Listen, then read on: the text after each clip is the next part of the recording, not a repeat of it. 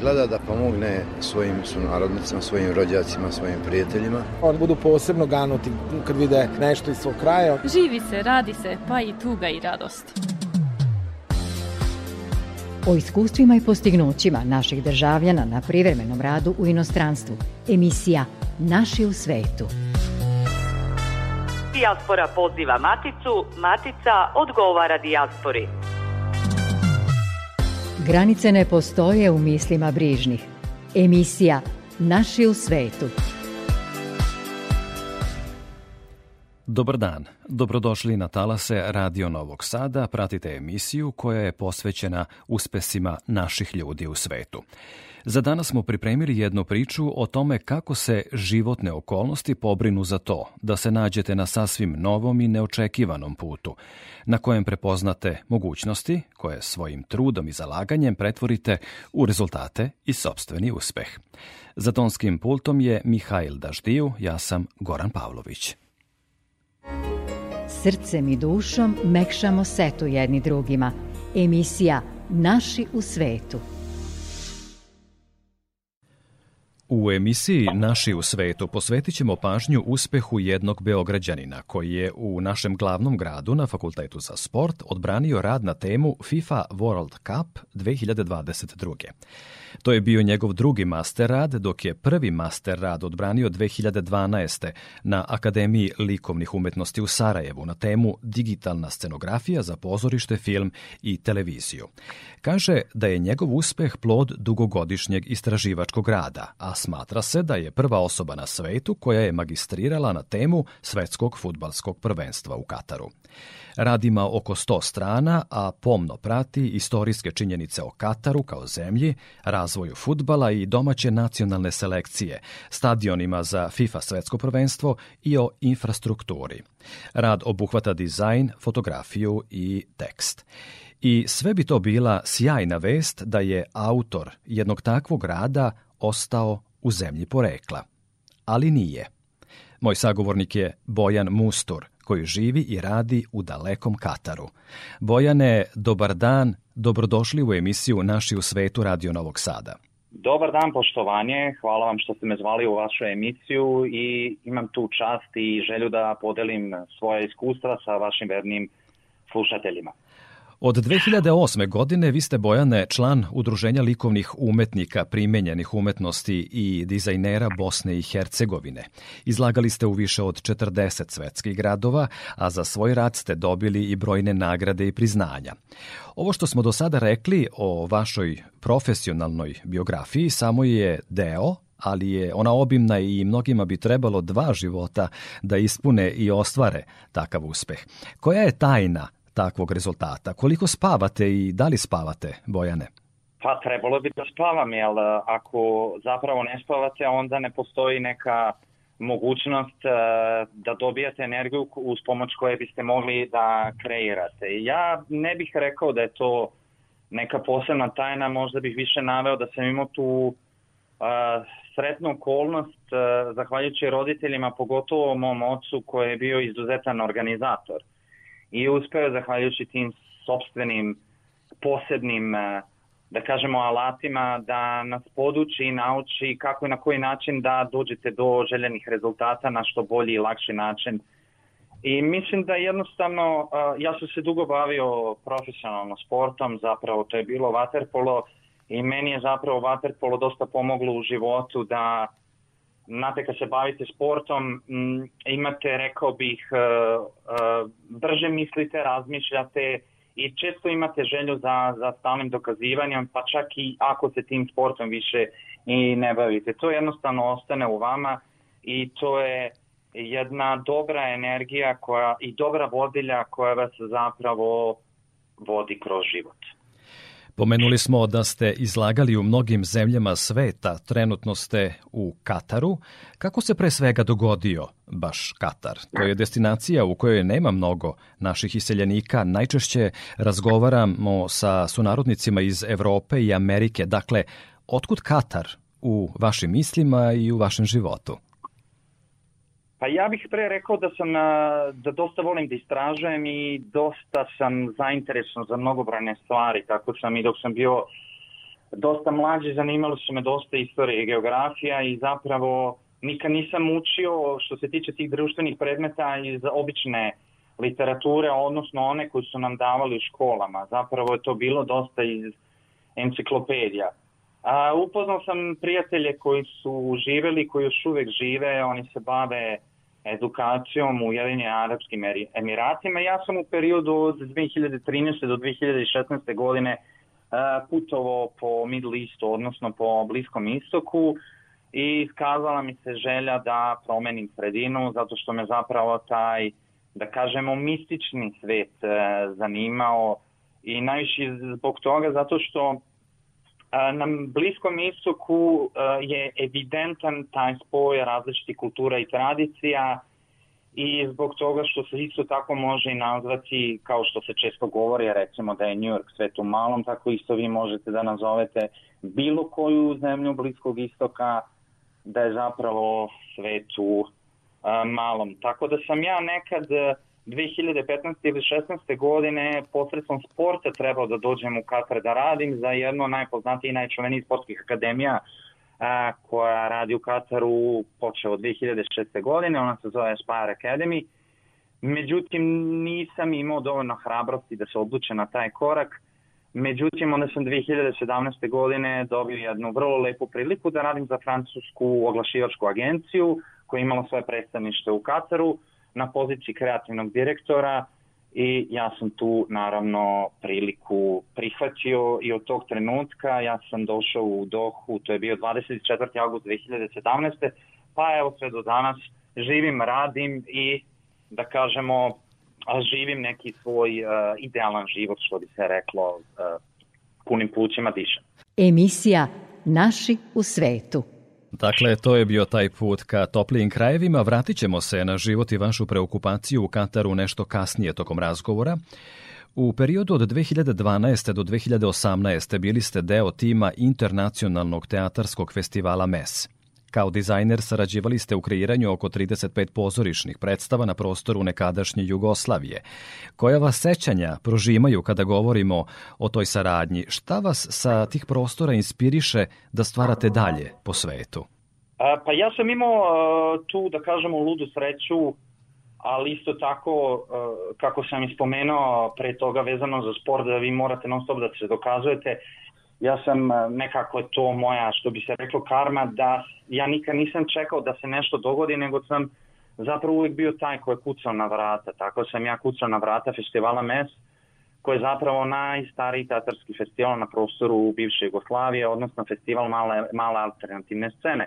Festival koji je zapravo iznedrio najpoznatije umetnike, dramske umetnike, piste režisere, scenariste, glumce, scenografe i sve, sve one ljude koji rade u pozorištu na prostoru bivše Jugoslavije. Nakon opsade Sarajeva i nakon završetka rata u Bosni i Hercegovini, festival koji je imao taj regionalni karakter, odnosno dok je još delovao u sistemu, odnosno u državi koja se zvala Socialistička federativna republika Jugoslavija, čelnici festivala su odlučili da taj festival internacionalizuju i da zadrže taj epitet Jugoslovenskog festivala, gde su se na tom festivalu već od 1997. godine, znači nedugo nakon rata, počeli prikazivati uh, sve predstave sa teritorija, odnosno prostora bivše Jugoslavije, uključujući neke od najzahtevnijih i najvećih produkcijskih uh, predstava iz celoga sveta koje su tada, znači od kraja 90. pa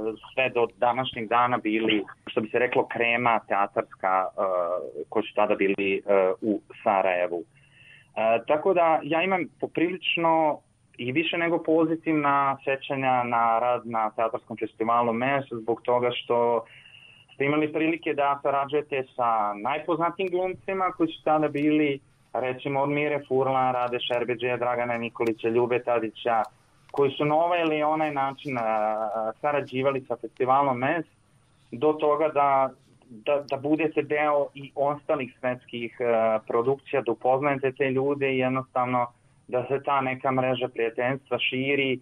I to su zapravo divne uspomene, a pogotovo sam teatar po sebi, ja ga nazivam jedan intelektualni prostor koji nije samo prostor umetnika i u kojem umetnik rezonuje i daje svoje ideje, već zapravo teatar je kritika suvremenog sveta, odnosno društva u kojem mi živimo i iako ja više preferiram filmsku umetnost, ja mislim da je teatar daleko uh, ozbiljniji i daleko relevantniji mediji nego svi ostali umetničkih mediji koji postoje u suvremenoj umetnosti. Slušam vas pomno Bojane i samo da informišem naše slušalce ukoliko žele da čuju kako izgleda vaša profesionalna biografija, to mogu učiniti na sajtu bojanmustur.com. Dakle, proučavajući vašu zaista obimnu profesionalnu biografiju, saznao sam i to da ste kao kreativni direktor sarađivali sa mnogim agencijama Ujedinjenih nacija, kao što su UNICEF, UNDP, OEPS, USAID. Kako jedan beograđanin u Kataru uspeva da poveže toliki profesionalni angažman i privatnost koja nam je isto tako važna u životu? Pa kako sam je rekao ono, na početku uz pomoć neke organizacije to, to sve dugujem svom ocu i na kraju krajeva i svojoj porodici koja koja je, da kažemo, bila toliko dobro organizovana. Ja sam imao, opet kažem, ponavljam tu ludu sreću da kao neko ko je rođen u Beogradu i odrastao, naša cela familija se mešala sa svim kulturama i nacijama sa prostora bivše Jugoslavije, a shodno tome mi smo onda putovali uh, po celoj bivšoj Jugoslaviji na taj način uh, primali ta iskustva različitih je, uh, religija, tradicija i kultura i to mi je nekako doprinalo da, da svet i okruženje oko sebe gledam na sasvim drugačiji način, odnosno da imam tu širinu. I vrlo često ja volim da kažem da sam Beograđanin jer ono zapravo što je Beograd ili što je nekad Beograd bio ili kakav ja Beograd pamtim, to je mesto jedne širine, jednog posebnog intelekta, jednog e, divnog istančanog smisla za, za humor. Da li je to tako danas, ja ne bi ulazio u te detalje. Čini mi se da ali, jeste. Pa ne znam, ali ja nosim te uspomene i uvek ću ih nositi kao jedan kosmopolitanski grad u kojem ima mesta za svakoga i u kojem svako može pronaći svoj mir i steći e, preko neophodnu afirmaciju. Vežu nas događaj, misli, kultura i tradicija. Emisija Naši u svetu. Čuli smo do sada u razgovoru, vi ste dakle dizajner, organizator, istraživač, nekadašnji vaterpolista, možemo reći i diplomata, koji svojim uspehom proslavlja zemlju porekla. E, stižete da se bavite i novinarstvom. Dopisnik ste iz Katara za Sarajevski dnevni list Oslobođenje. Je li istina da novinarski rad opušta i osvaja onog ko se njime bavi? Jer ako stižete i da izveštavate iz te bliskoistočne zemlje, zaista se postavlja opravdano pitanje koliko traje vaš radni dan. Pa moj radni dan traje, rekao bih, dugo, I možda to ima veze sa mojim nek, uh, iskustvom iz uh, te neke daleke ili bliske prošlosti, gde sam ja uvek paralelno imao da kažemo dvostruku karijeru, to je bila ta jedna umetnička karijera i sportska karijera, ne samo baveći se profesionalno sportom, odnosno igrajući u vaterpolo, nego i kasnije ostati u tom sportu kao recimo trener, sportski direktor ili vlasnik vaterpolo kluba. A što se tiče Sarajevskog dnevnog lista oslobođenja, ono je nastalo odmah po završetku drugog svetskog rata, nakon oslobođenja Sarajeva 1946. godine. Oslobođenje je bilo i proglašeno za najbolji dnevni list u svetu 1992. godine iz razloga izveštavanja povodom rata na prostoru bivše Jugoslavije, pogotovo prilikom omsade Sarajeva. Tako da novinarstvo generalno ili generalno ako želite pisanje opušta, pogotovo onaj ko želi da istraže ili time da se bavi, a ja sam opet, da kažem, posredstvom nekih prijatelja i poznanika imao tu sreću da budem i akreditovan od strane uh, Katarske novinske agencije, što bi značilo da legalno radite u Kataru, uh, jer je bavljenje novinarskim poslom na neki način malo senzitivno ovde u Kataru, morate da vodite računa kako i na koji način pišete, zato što su to neka pravila koju vi trebate poštovati. E, tako ima ona latinska izreka koja kaže si fueris Rome, romano vivto more, si fueris alibi, vivto sico tibi. Ako živiš u Rimu, živi na rimski način, a ako živiš negde drugde, živi kao onde. Tako da ja već e, za Katarsku novinsku agenciju, odnosno Sarajevski li, dnevni list oslobođenje, radim u protekli možda skoro dve godine i srećan sam zbog toga jer mogu da pratim mnogobrojne sportske događaje, ali i druge kulturne i evente i na taj način da upoznajem ne samo uh, čitaoce, nego i slušaoce i gledaoce i, i druge ljude koji se bave različitim medijima, da dobiju i više nego korisne i relevantne informacije o Kataru kao zemlji i kao zemlji organizatora 22. svetskog prvenstva u futbalu, prvoj zemlji na svetu koja će biti odigrana svetsko prvenstvo na Bliskom istoku, prva zemlja, arapska zemlja koja organizuje svetsko prvenstvo i prva muslimanska zemlja u kojoj će biti odigrano jedno a, najpoznatiji i najveći sportski događaj na planeti. Poštovani slušalci, ostanite uz emisiju Naši u svetu Radio Novog Sada, jer nakon kraće muzičke pauze nastavljamo razgovor sa sunarodnikom Bojanom Musturom, koji se nalazi u Kataru. Pričat ćemo o životu u toj zemlji i predstojećem svetskom futbalskom prvenstvu, koji je i tema master rada našeg sagovornika.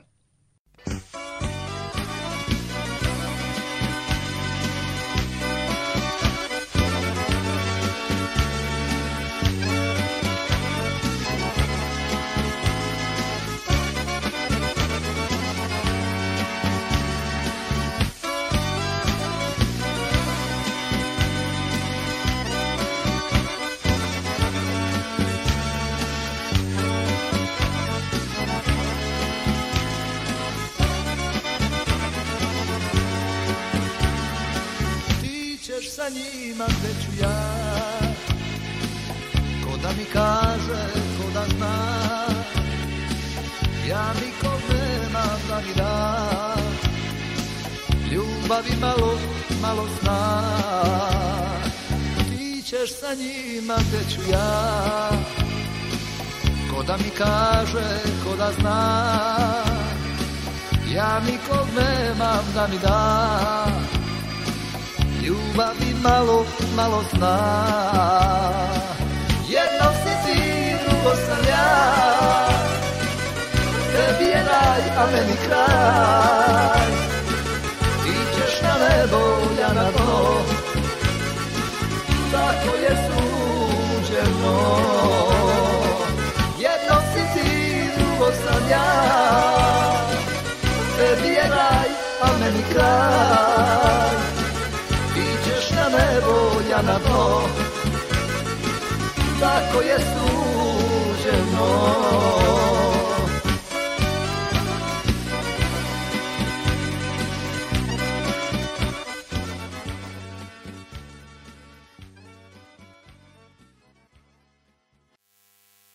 Ovo je emisija koja promoviše naše uspešne ljude koje je želja za boljim životom i profesijom odvela na razne strane sveta. U Kataru je sunarodnik Bojan Mustur sa kojim u nastavku razgovora pričamo o svetskom futbalskom prvenstvu koje će se u toj zemlji održati krajem godine, tačnije od 21. novembra do 18. decembra. Bojane, pomenuli smo u dosadašnjem razgovoru da ste odbranili master rad na temu FIFA, svetsko prvenstvo u Kataru šta taj rad obuhvata i koje informacije pruža o istorijatu, pre svega naše futbalske reprezentacije?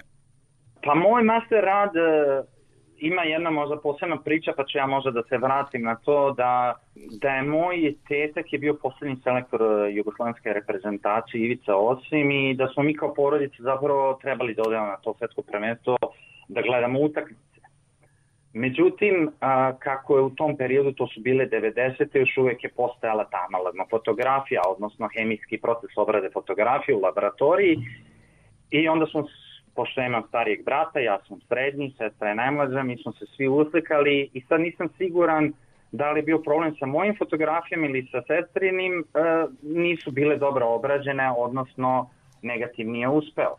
Onda smo drugi put došli, pa onda sam ja, čini mi se, zažmurio i tako smo dobili pasoše, pošto ih pre nismo ni imali, ali tako, uh, kasno.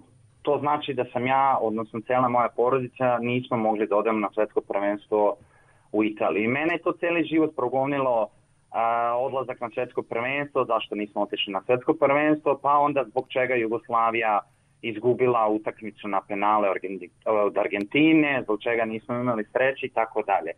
I onda, kao, kako sam vam rekao, sam došao ovde 2017. godine, potpuno ne razmišljajući o tome e, da se ja nalazim u, sve, u zemlji koja će organizovati svetsko prvenstvo u futbolu i da postoji mogućnost možda jednog dana da ja budem isti sudionik tog svetskog prvenstva.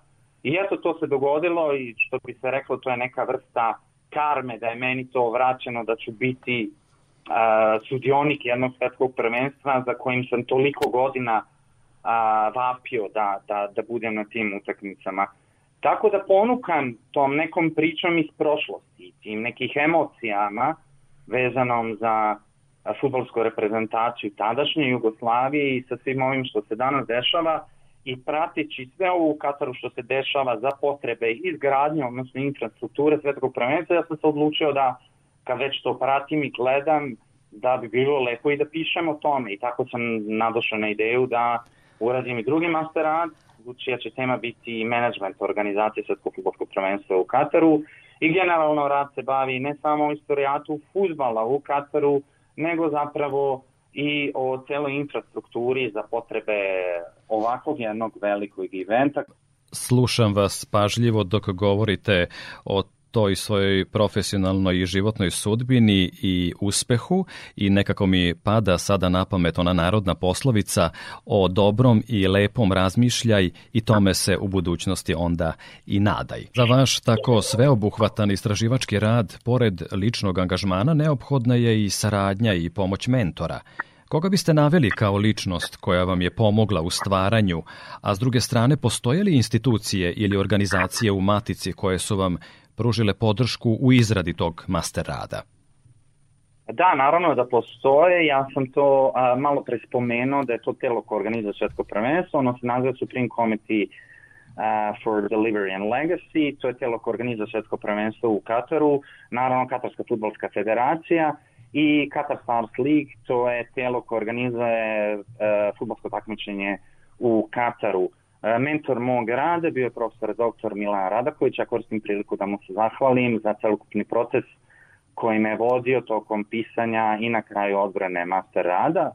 Takođe, kako sam ispomenuo, svog tetka i da sam ja celi život nekako bio vezan za futbal, ali na jedan drugi način i putem njegovih kontakata i prijatelja tako sam ja i došao do gospodina Bore Milutinovića sa kojim se evo družim više od 3-4 godine i koji je zaista bio tu za svaku priliku a, i da mi pomogne i da me uputi i da me upoznam se sa određenim ljudima, ipak se to radi osobi koji je rekorder po broju nastupa na svetskim prvenstvima, tačnije rekorder je Pereira, Brazilac, koji učestvovao na šest svetskih prvenstva, gospodin Bora Milutinović je sa pet, ali sa pet različitih reprezenta, e, reprezentacija u kontinuitetu.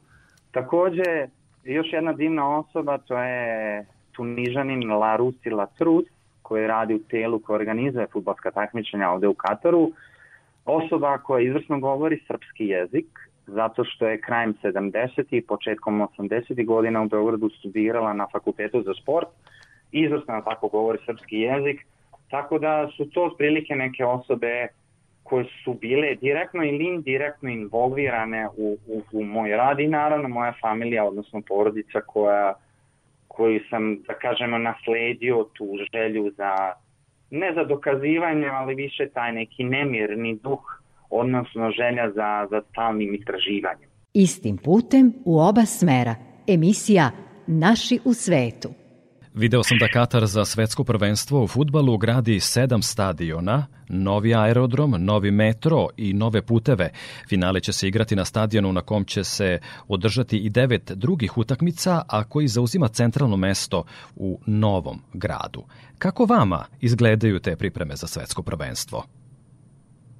Pa meni lično izgledaju impresivno iz prostog razloga zato što sam eto već sad će biti punih pet godina ovde u Kataru i kao neko ko je došao i upoznavao se sa ovom kulturom i tradicijom bio je sudionik, odnosno svedok svega onoga što se u ovoj zemlji izgradilo i gledao je cijeli taj progres i to zaista nije mala stvar. E, možda ja sad samo sebi laskam, ali šta da radim, to je tako. A, istina je da je Katar napravio svih sedam stadiona, ti stadioni su a, napravljeni, odnosno su se mogli da budu u upotrebi godinu dana pre početka svetskog prvenstva, tačnije 21. novembra 2021. godine rečeno je u medijima je objavljeno da su oni u, u već upotrebi, što se ja mislim u istoriji nije da mislim nikad u istoriji svetskih prvenstava.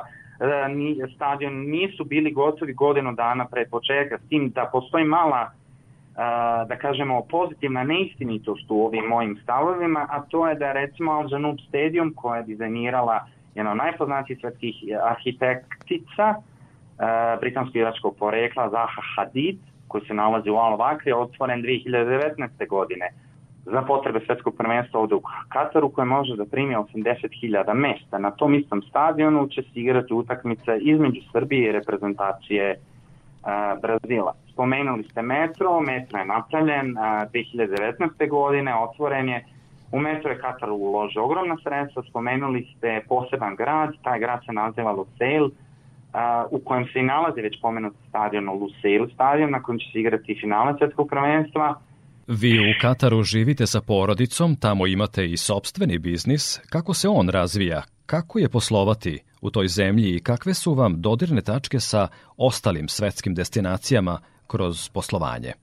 Da, to je istina. Supruga i ja imamo sobstveni biznis. To je firma koja deluje više od pet godina. E, mi sasvim dobro poslujemo, opet kažem imamo tu sreću, a i opet taj istraživački duh da imamo jako dobre klijente i uz pomoć tih klijenta radimo neke od najvažnijih projekata infrastrukture Svetskog futbolskog prvenstva u Kataru 2022. godine. Mm, opet se vraćamo na početak našeg razgovora kad ste mi pitali za vreme. Najvažnije je da budete dobro organizovani, i da dobro rukovodite, odnosno budete dobar lider vašem timu. Emisija Naši u svetu.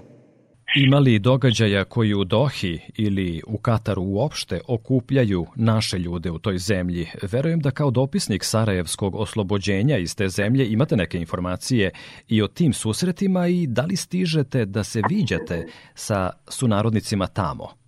Pa da vam budem iskren, što se tiče okupljanja, više je to fokusirano nekako na vaš sobstveni interes. Uh, interes u smislu koliko ste vi u potrazi za novim ljudima, koliko vi uspete da upoznate nekog novog. Mi se naravno dužimo sa ljudima sa prostora bivše Jugoslavije, a što se tiče nekih organizovanih uh, okupljanja, ne bih rekao da toga ima.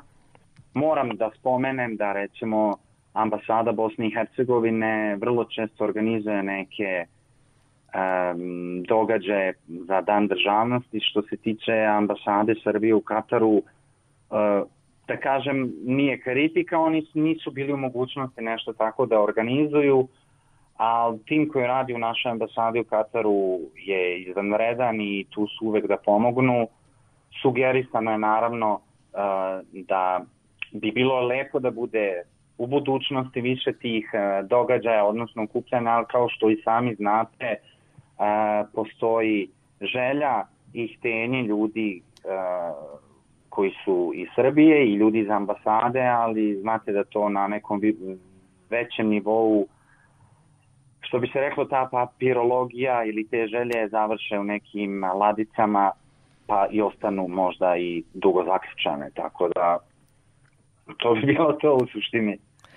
Daleki i bogati Katar je zemlja koja nije česta destinacija ljudima sa naših balkanskih prostora.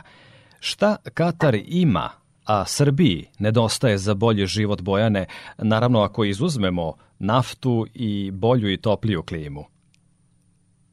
Pa iskreno da vam kažem odmah, da vam kažem bez, bez razmišljanja, to je sigurnost ova zemlja prema svim standardima, statistikama i e, sajtovima koji se bave za, za, ne samo za nacionalnu bezbednost, e, Katar je najsigurnija zemlja na svetu, Katar obara rekorde nekoliko godina unazad kao najsigurnija zemlja na Bliskom istoku.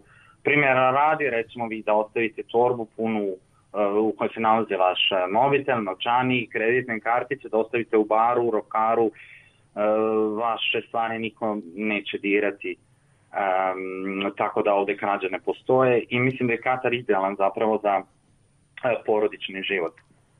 Da li mi iz emisije Naši u svetu Radio Novog Sada sada možemo da se pohvalimo da nas prijateljski i profesionalni kao i solidarni odnos koji smo stekli ovim razgovorom navodi na to da zaključimo da imamo jednog prijatelja više, ovog puta na Bliskom istoku, sa kojim možemo da se čujemo kada se dešava nešto u opštem interesu i razmenimo dragocene informacije kako bismo bili spokojniji i u toku na obostrano zadovoljstvo.